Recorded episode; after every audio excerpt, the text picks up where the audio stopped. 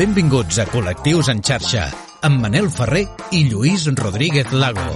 Benvinguts al Col·lectius en xarxa. El dia 15 de maig es celebra el Dia Internacional de la Família, un concepte que cada cop obre més la mirada a noves realitats, però amb un topall legal que encara impedeix el reconeixement de moltes realitats familiars a ulls de la justícia. Això ens obliga a dedicar un programa al laberint legal que ha de contemplar les famílies homoparentals a l'hora d'establir-se. Oi que sí, Lluís? Mm -hmm. I malgrat això, a poc a poc apareixen iniciatives que ens donen una mica d'esperança i que ens fan creure que estem més a prop de poder ampliar el concepte de família. D'això en parlarem amb David Reyes, que ens explicarà una iniciativa en xarxa molt interessant. Avui, al Col·lectius en xarxa, Copaping. Estàs escoltant Col·lectius en xarxa. amb Manel Ferrer i Lluís Rodríguez Lago.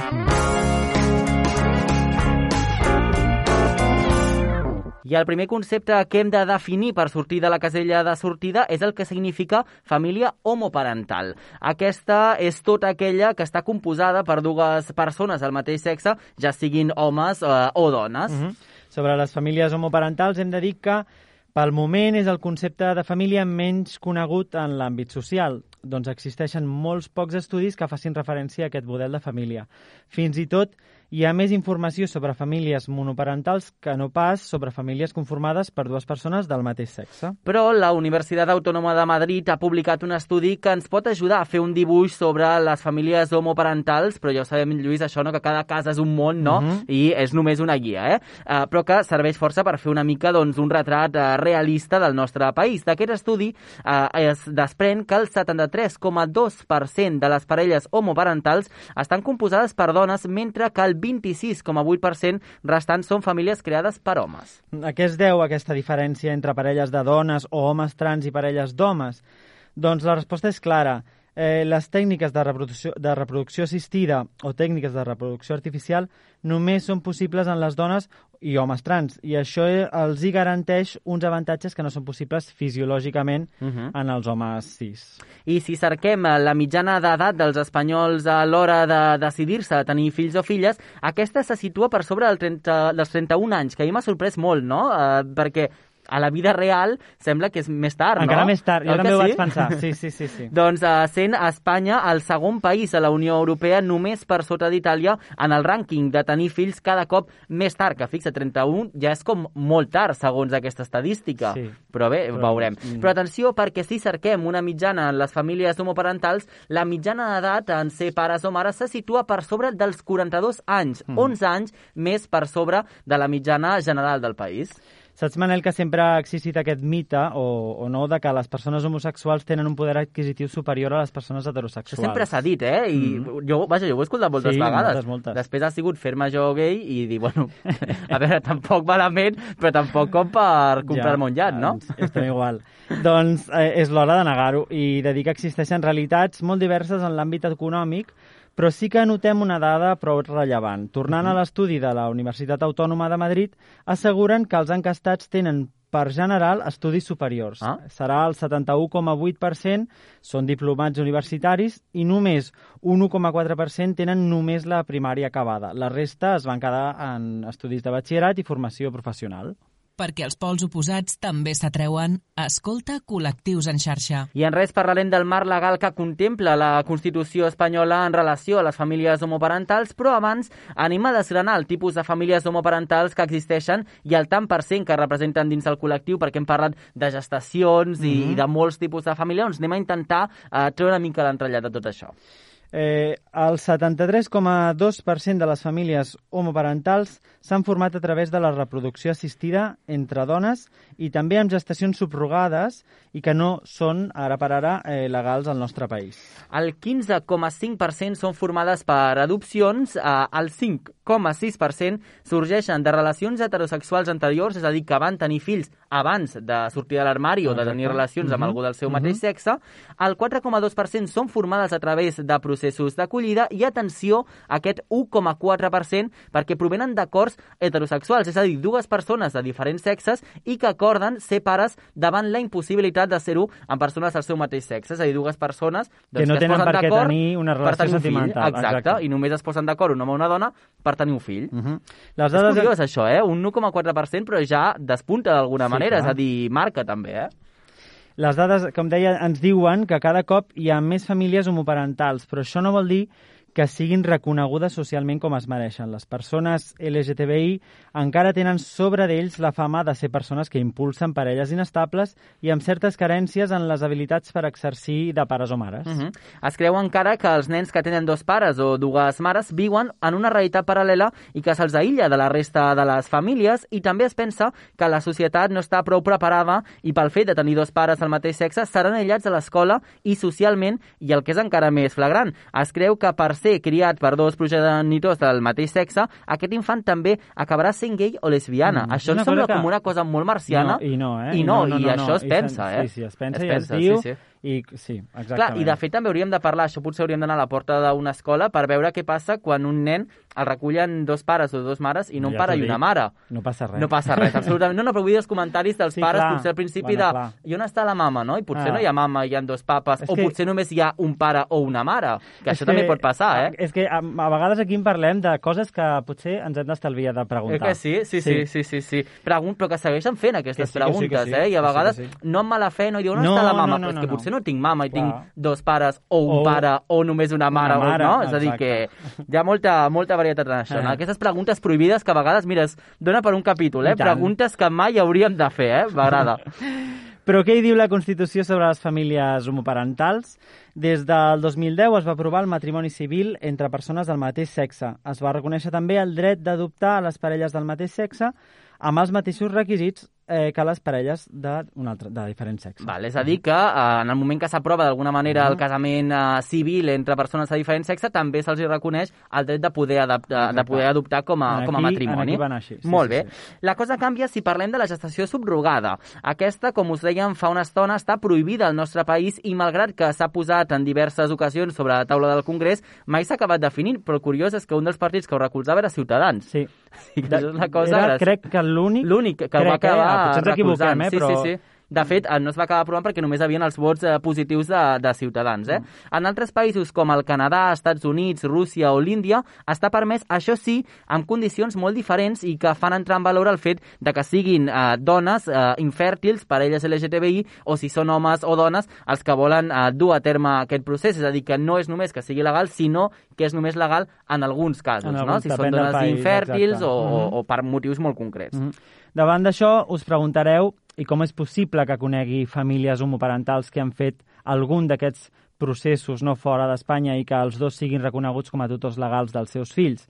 El que hem de dir és que Espanya no reconeix els dos sol·licitants com a pares de ple dret, Mhm. si més no a l'inici, només eh, a la part de la parella que ha participat en la gestació. No obstant això, aquest impediment es pot arreglar si el país d'origen del nen o la nena els hi otorga un document oficial en el qual es reconeix els dos sol·licitants com a responsables legals d'aquell nounat. En aquell moment, el registre civil espanyol sí que està obligat a reconèixer els dos progenitors amb els mateixos drets i deures. El que m'agradaria comentar, i crec que són casos que últimament s'estan visibilitzant més i s'estan donant més a conèixer, és que normalment quan hi ha una parella de dues dones que, que contrauen matrimoni, sempre hi ha la tendència a preguntar quina de les dues es vestirà d'home i quina de les dues farà d'home, no? La típica frase de qui portarà els pantalons a la relació. I crec que això és molt important de construir-ho perquè seguim mantenint aquest rol de gènere i sempre pensant doncs, que hi ha d'haver un home i una dona i encara que no sigui així, doncs, encara que siguin dues dones, doncs, que segueixi havent una persona que faci el rol que és considerat com el d'home. I crec que això l'únic que fa és seguir mantenint i reproduint aquestes desigualtats de gènere.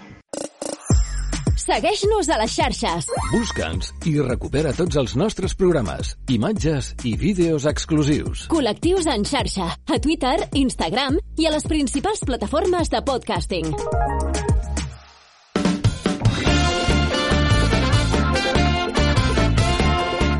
Que com veieu encara hi ha moltes barreres per la creació de famílies homoparentals, però com sempre, a grans problemes, grans solucions, i avui ens volem fer ressò d'una iniciativa que apunta a moltes maneres. Estem parlant de Copapping, que de fet és el nom que hem agafat Lluís per identificar mm. aquest eh, programa, un nou web i que ofereix un camí alternatiu per iniciar una copaternalitat, que ara sabrem el que és, entre persones que volen ser pares i mares i que potser per mitjans propis no poden ser-ho. Per conèixer millor la proposta, saludem al David Reyes, fundador d'aquest web. David, com estàs? Benvingut.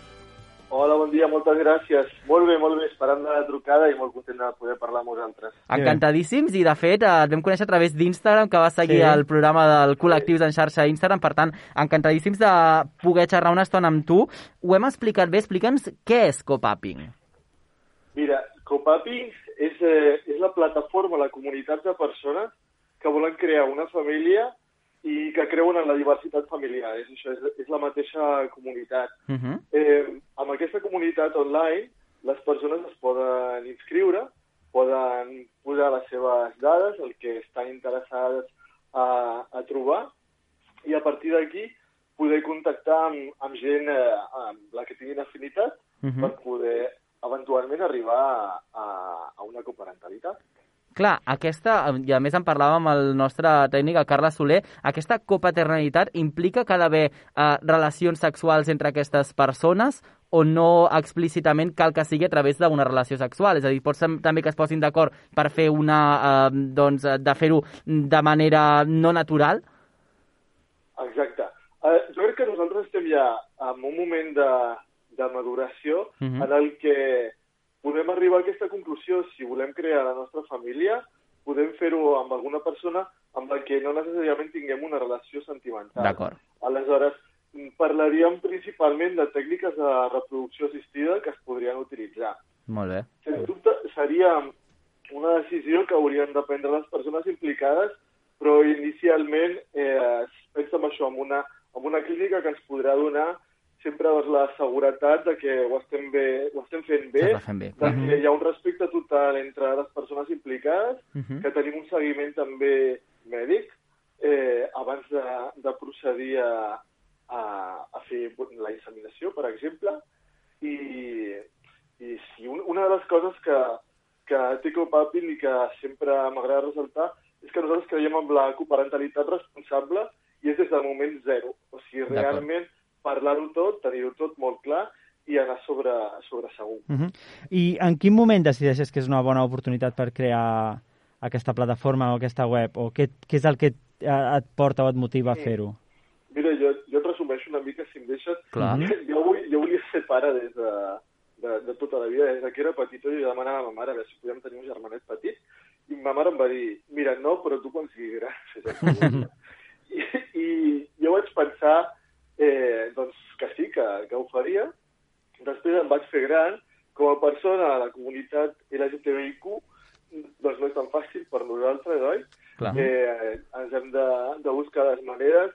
Eh, també tenim aquesta pressió cultural heteronormativa i biparental normativa que ens indica com ho hauríem de fer per tenir una família.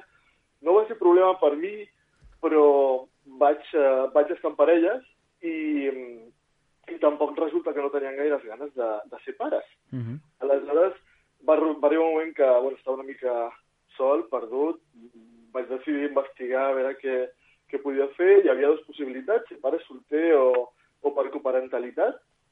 Vaig investigar moltíssim la coparentalitat, vaig veure eh, pàgines i pàgines online que, que es dedicaven també, també a això, però no, no vaig acabar de trobar eh, ni comunitat ni, ni persones per realment establir eh, un lligam que em pogués portar a, a ser pare per coparentalitat.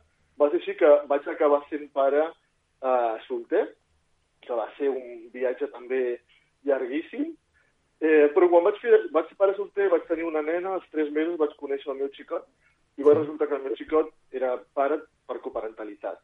Aleshores, d'alguna manera, em va fer mm. veure que, que era, que era possible, que era una idea que tenia jo moltes ganes de continuar explorant i que el que hi havia en aquell moment no, no em semblava interessant i que, i que m'agradaria mm -hmm. molt crear una, una comunitat on, on tothom es pogués sentir còmode i, i tirar endavant Clar. eh, coparentalitat. David, la pregunta que ens fem un cop entrem al web, perquè aquests dies l'hem estat eh, trastejant per veure què, què s'hi movia, aquesta comunitat, um, explica'ns una mica, té un cost el fet d'estar-hi dins, s'ha de pagar algun tipus de quota per, per entrar, i què és el que ens demanen un cop ens eh, registrem? És a dir, quines dades eh, necessiten nostres i quines rebrem de l'altra persona? És a dir, com es fa el maig entre les dues persones, no? El clic per dir, doncs aquí hi pot haver un punt d'unió i pot existir aquesta eh, copaternitat. Explica'ns eh, com funciona el que no es veu de la web. Mira, el, en primer lloc, el tema del cost, actualment estem en una fase eh, beta, em vas contactar i la veritat és que tinc moltes ganes de compartir el projecte i és un moment, és un moment molt interessant perquè estigui, perquè estigui pensant en coparentalitat, perquè ara mateix, si us doneu d'alta, Sí? eh, són sis mesos de subscripció gratuïta. Ah, molt bé. Mm -hmm. Estem en aquesta fase beta, tinc moltes ganes de sentir la gent, veure les, eh, les suggerències que poden tenir per, per millorar la, la pàgina i, i la veritat és que és això, ara mateix són sis mesos gratuïts quan et dones d'alta, Uh -huh. s'intentarà que, el, que el pla de pagament sigui lo, lo més accessible possible. Hi haurà diversos plans, hi ha tres plans, de fet, ja estan, es poden veure a la pàgina, tot i que ara mateix és gratuït. La idea és que estigui sempre per sobre, per sota dels 10 euros al mes, al mes Val. perquè la gent pugui passar el seu temps revisant, investigant i contactant a, amb altres persones. Mhm. Quan et fas, eh, quan et registres a la pàgina web, has de posar algunes dades, no són moltes, bàsicament, personals de, de, naixement, de naixement, una descripció, eh, i, i, i, i, i, i què estàs buscant? D'acord. Coparentalitat, eh, donació d'esperma o un donant d'esperma. La veritat és que és eh, super senzill perquè la gent pugui entrar-hi fàcilment i per respectar també que la gent comparteixi el que, el que vulguin compartir.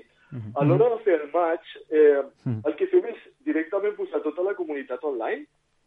Sí? Hi ha altres pàgines que separen per gènere, per exemple, eh, jo amb la meva trajectòria vital ja, ja, o sigui, no crec que tingui cap sentit separar per, per gènere. Crec que una dona trans, eh, un home trans eh, es poden posar d'acord, una persona no binària amb un home trans, realment eh, és, és, una, és una pàgina totalment oberta en què la gent connecti, investigui, llegeixi una mica sobre les altres persones i conversi i vegi el que li interessa. No volíem posar cap frontera. Molt bé. Mm -hmm.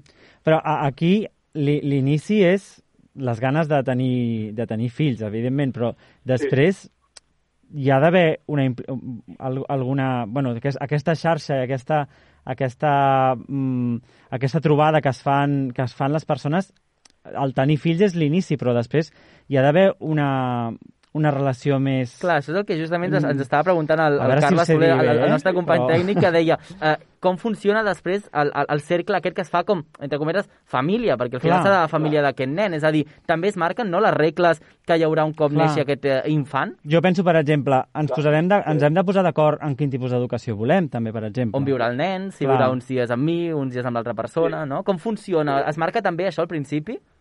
Exacte, mira, nosaltres ja partim de...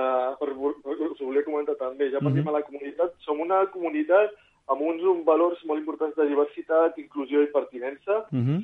que s'assumeixen un cop et dones d'alta i amb, eh, amb molt de respecte cap al que és la coparentalitat responsable.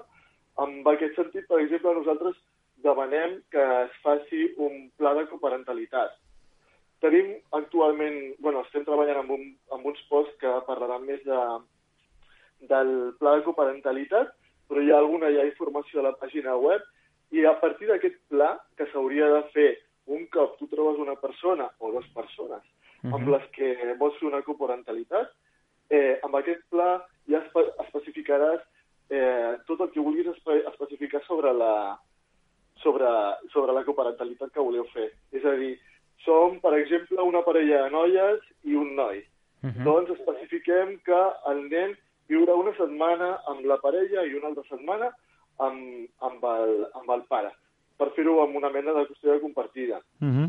O eh, estarà sempre amb les dues mares, però cada dues setmanes, un cap de setmana amb el pare, o amb un règim de visites.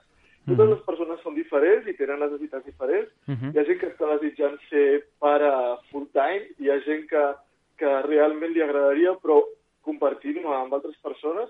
Per això creiem que hi ha una gran disparitat i diversitat d'opinions i que és molt important eh, parlar-ho abans per poder eh, arribar a acords i que després siguin respectats. Mm -hmm. Això és extremadament, extremadament important, efectivament, i és una cosa a la que nosaltres li, li posem molt èmfasi. Mm. Abans ens has dit que mm, en el teu procés vital ja t'havies eh, informat sobre la coparentalitat, però havies trobat a faltar coses. M'ha semblat que havies trobat a faltar coses en altres webs o en altres eh, comunitats. Què, ens, què, sí. què està oferint Copapping que, que, que tu no vas trobar en un, altre, en un altre moment, en un altre lloc? Sí, mira, jo quan vaig anar a altres pàgines el mm. que vaig trobar era segurament bona intenció, però més aviat taulers d'anuncis. Mm. Taulers d'anuncis sense, sense trobar-me realment una comunitat de gent amb la que pogués parlar i que, que se, sintessin, que se sentissin identificats a, amb una sèrie de valors, que, per exemple, estigués segur que respecten uh, les, la comunitat LGTBI. Amb una d'aquestes, uh, com, com t'he comentat abans, vaig veure que si posava que jo era un noi, només podia veure perfils de noies. Bàsicament, noies cis. Aleshores, ja només veure això, ja era com, ah, trobo que, que no és el, no és el meu lloc, potser. Clar. El, els sistemes, els sistemes de, de, de tarifes tampoc em semblaven molt, eh, molt fàcils, molt accessibles, i no, ve, no vaig veure enlloc que es parlés de, de la coparentalitat responsable, mm. que seria una cosa que, com, bueno, com vosaltres heu dit, és que és, eh, és elemental i és bàsic. I és una cosa que no es pot amagar perquè si no un cop ho facis t'ho trobaràs després i, i et pots trobar en una situació de, eh, de parella que es divorcia. Clar. I mhm. eh, doncs millor realment tractar-ho amb serietat, de forma madura, abans, mm. al començar el procés. Clar, David, en tot això que ens explicaves i deies, doncs potser eh, trobes una persona en aquesta plataforma que vol ser eh, doncs, eh, full-time eh, pare o mare, però potser hi ha una persona que no, diu, escolta, jo vull ser pare, però no totes les hores del dia, no? I suposo que aquí també hi ha una gran part de trencar molt els mites. Una mica, ara estic pensant en Samantha Villar, no? Dient, escolta, que potser sí. jo tingut fills, però que potser em podeu dir que sóc mala mare perquè no vull estar tot el dia amb els meus fills i cuidar-me tot el dia dels meus fills. Suposo que això també parteix d'una realitat i de ser molt sincer, no? És a dir, quan es fa aquest, entre cometes, aquest eh, contracte no? entre les dues parts, eh, ser molt clar amb el que tu vols. I, escolta, jo vull ser pare, vull ser mare, però no vull que el, les 24 hores al meu dia sigui ser això. Exacte. Jo crec que hem de ser, hem de ser molt sincers. Quan som pares eh, tenim moltes vegades aquest sentiment de culpa de... Jo el tinc també quan els dic als meus pares us podeu que amb la nena que vull anar al cinema?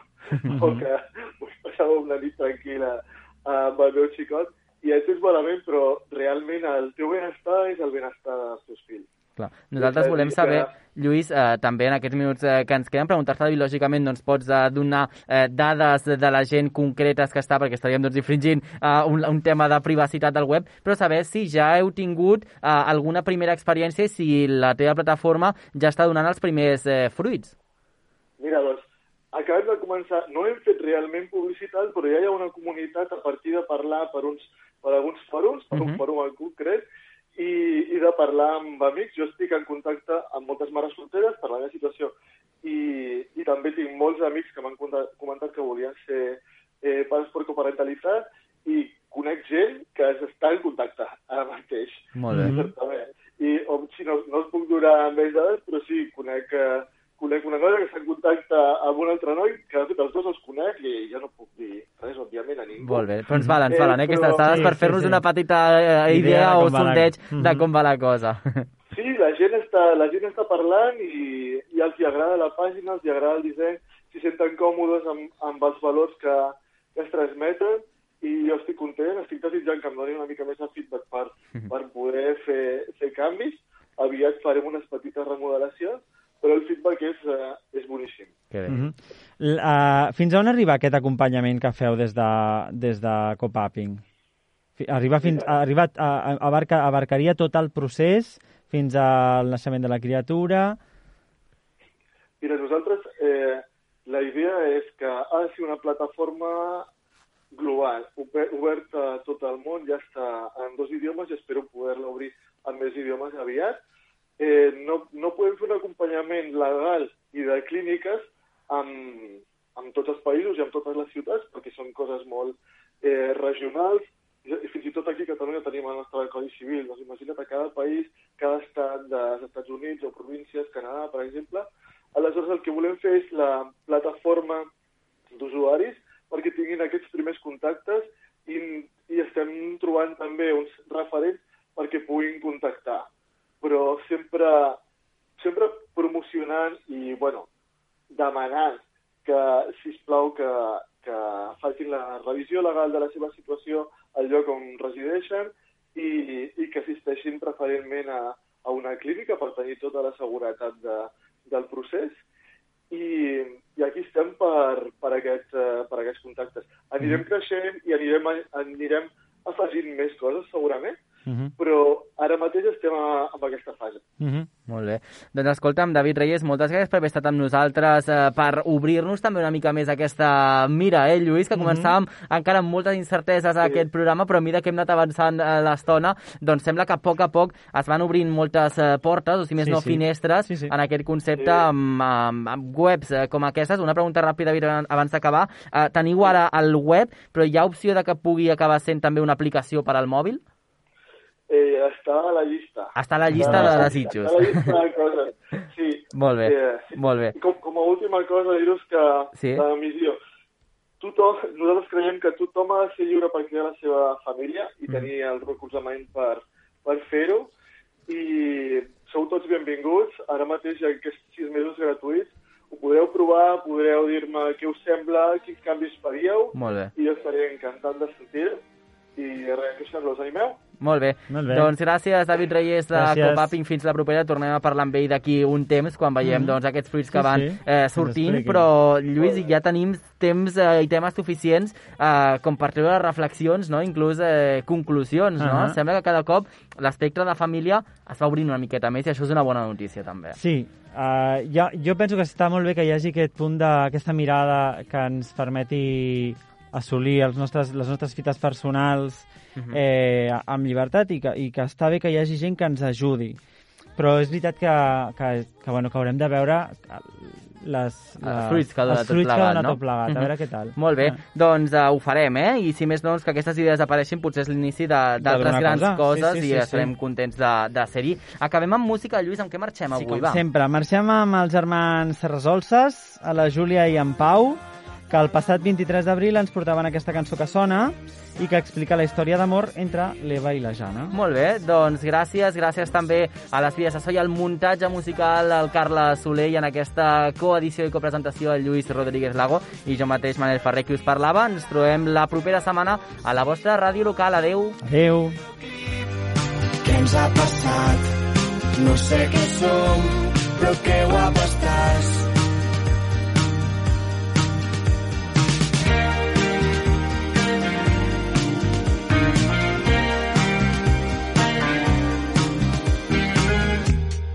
La Jana ja dorm perquè quan sent un pit contra l'esquena li agafa la son. L'Eva s'ha llevat. Està molt nerviosa perquè té un examen a la facultat. I ara exageren que no sap cap tema dels 30 que té per llegir. S'apropa la Jana, que ve per darrere. Diu que amb ella après a ser feliç.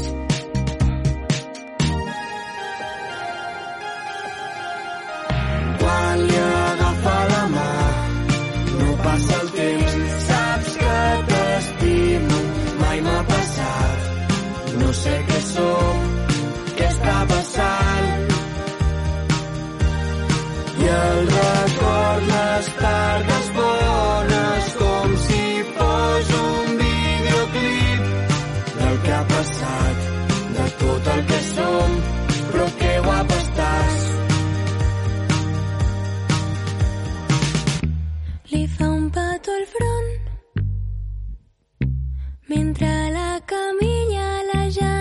es dona que pensa que es mor.